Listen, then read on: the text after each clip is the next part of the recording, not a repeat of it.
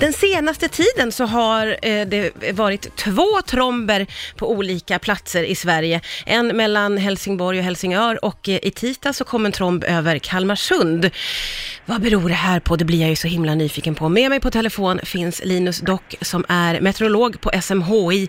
Eh, är det en slump att det är två stycken på samma vecka, Linus? Nej, det är faktiskt inte så konstigt. Jag har haft ett eh, utbrott med ganska så eh, kraftiga regn och åskurar som har dragit över oss de här senaste dagarna. Mm. Så det är inte helt ovanligt att det kan eh, förekomma sådana här tromber då.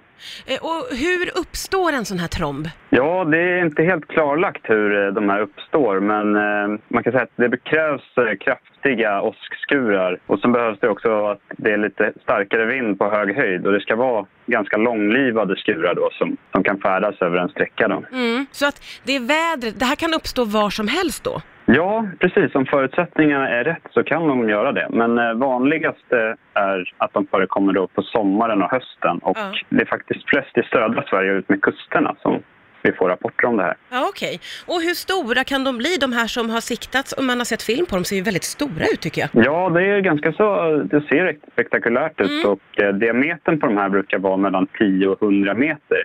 Oj! Men det kan vi jämföra med, med USA då, där man har liknande fenomen som, som heter tornados då, som kan vara uppåt 1000 meter i diameter. Ja, just det. Men är det samma slags fenomen menar du? Eh, tromb och tornado? Ja, precis. Det är samma fenomen, bara det att de är lite mer beskedliga här i Skandinavien än i USA. Ja, jag förstår. Den här tyfonen som nu närmar sig Taiwan eller vad det är, är det något annat eller är det i samma kategori? Nej, det är någonting helt annat. Det är något helt en, annat. eh, ja, det är en tropisk cyklon. Ja, okej. Eh, Okej. Och det uppstår över havet då och bildas eh, när det, havet är väldigt varmt, mellan 26 och 28 grader. Och de kan vara cirka 1000 kilometer i diameter, så det är väldigt stora, stora saker då. Ja, men verkligen. Men de här tromberna eh, som uppstår i Sverige, eh, kan, kan det finnas någon fara med dem? Ja, det kan faktiskt eh, vara så att till exempel kan träd fällas eller att föremål kan kastas iväg och även hustak kan skadas. Så det kan vara ganska, ja, det är lokalt väldigt starka vindar i det här också. Det Mm. kan blåsa omkring 75 meter per sekund också. Ja, just det. Ja, det är starka krafter får man säga. Ja, precis. Det är motsvarande 270 kilometer i timmen, så det är ju väldigt kraftiga vindar. Ja. ja, det är ju häftigt när man får se det på håll och på film sådär. Väldigt fascinerande måste jag säga.